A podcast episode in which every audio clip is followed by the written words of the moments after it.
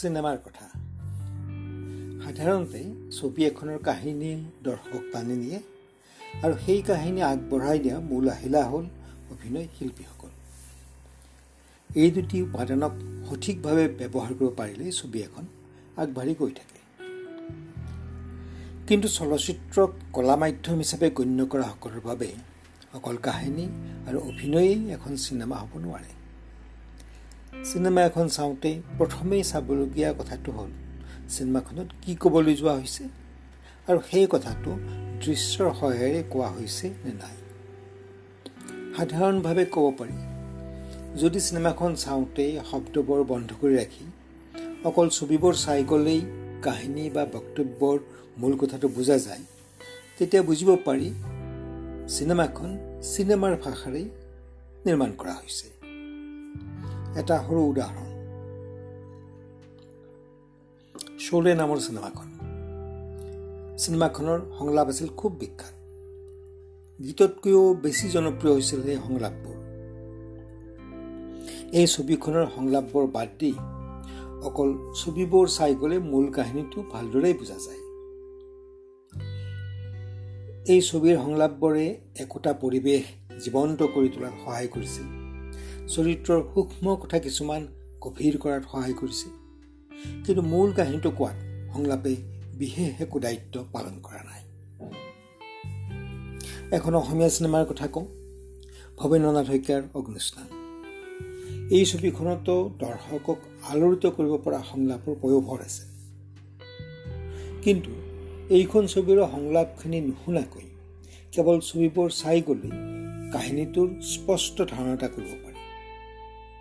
ছবিখনত সংলাপৰ যোগে প্ৰকাশ কৰা ব্যঞ্জনাৰ আবেদন বুজিব নোৱাৰিলেও ছবিৰ মাজেৰে কাহিনীটোৰ সমস্যা সংকট আৰু সমাধান বুজাত অসুবিধা নহয়।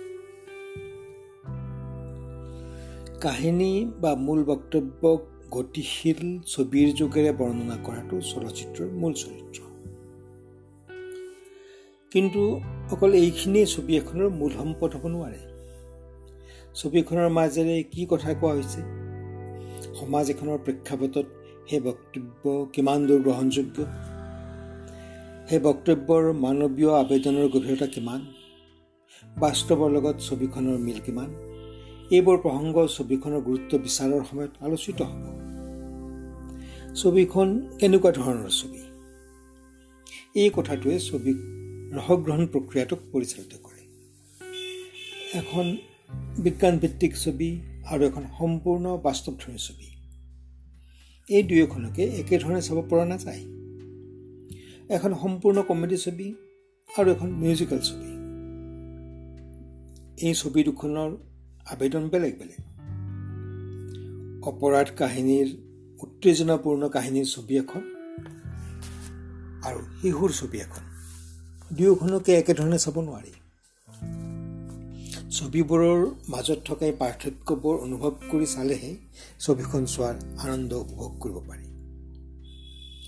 পাঠক এজনে এখন কাব্যগ্ৰন্থ পঢ়া আৰু এখন উপন্যাস পঢ়াৰ মাজৰ পাৰ্থক্য আগতেই জানি ল'ব লাগে। তেতিয়াহে সাহিত্য পঢ়াৰ আনন্দ উপভোগ কৰিব পাৰিব। চিনেমা এখন চোৱা আৰু চিনেমা এখনৰ ৰস আহৰণ কৰা বা ৰস উপভোগ কৰা দুয়োটা পৃথক ধাৰণা। অকল চিনেমা চোৱা মানে হ'ল পৰ্দাত প্ৰদৰ্শন কৰা উপাদানবোৰৰ সৈতে গৈ থকা। আৰু ৰস আস্বাদনৰ কথা হ'ল চিনেমা এখনৰ প্ৰয়োজনীয় উপাদানসমূহৰ কলাত্মক প্ৰয়োগৰ দিশটো মনোযোগেৰে চোৱা। চিনেমা এখনৰ দৃশ্যবোৰ ভাল হ'লেই ছবিখনৰ দৃশ্যগ্ৰহণ সাধাৰণ দৃষ্টিত ভাল হ'ব। কিন্তু চিনেমাৰ ৰসগ্ৰহণকাৰী এজনে বিচাৰিব সেই চিত্ৰগ্ৰহণে কাহিনী বা বক্তব্য প্ৰকাশ কৰোঁতে বিশেষভাৱে সহায় কৰিছে নে নাই? চিনেমাখনৰ মূল আবেদনৰ লগত ছবিবোৰে সংগতি ৰাখি আগবাঢ়িব পাৰিছে নে নাই? এখন আতংকপূৰ্ণ হৰৰ ছবি দৃশ্যগ্ৰহণ যেনেকুৱা হ'ব এখন কমেডি ছবি দৃশ্য তেনেকুৱা নহ'ব। এই পাৰ্থক্যবোৰ অনুভৱ কৰিব পাৰিলেহে চিনেমাৰ ৰসাস্বাদনৰ আগবঢ়াটো সম্ভৱ।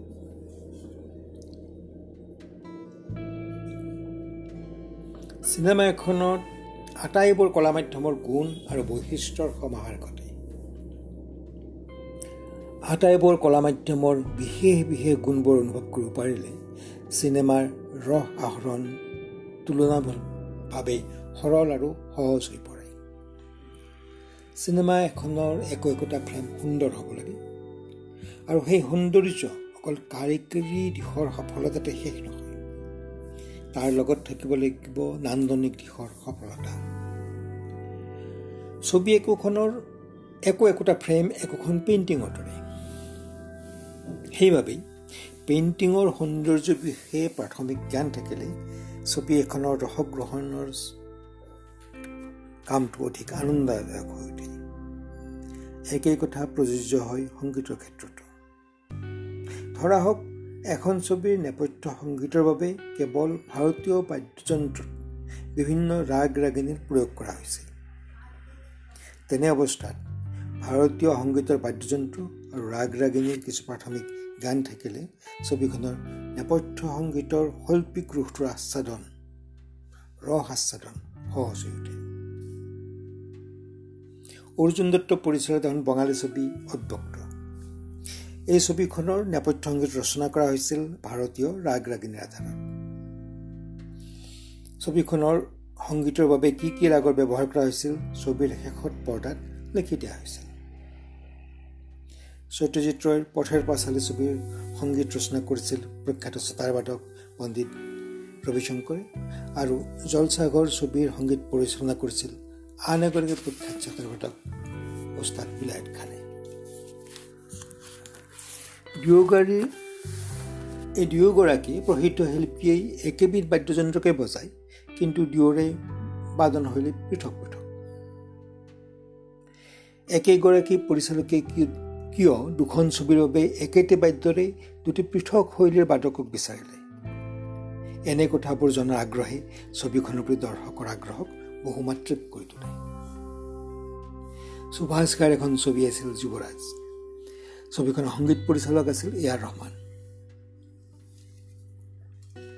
ছবিখনৰ গীতৰ কথাংশৰ সুৰ ৰচনা কৰা হৈছিল ভাৰতীয় শাস্ত্ৰীয় সংগীতৰ আধাৰত আৰু গীতৰ মাজৰ যন্ত্ৰ সংগীতাংশ ৰচনা কৰিছিল পাশ্চাত্য সংগীতৰ আধাৰত।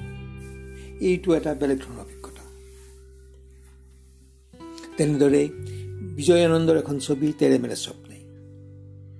এই ছবিখনৰ সংগীত পৰিচালক আছিল শচীন দেৱ বৰ্মন এই ছবিখনত এটি গীত আছে জীৱন কি বগীয়া মেহকে কি গীতটিৰ ইণ্টাৰলুড অংশ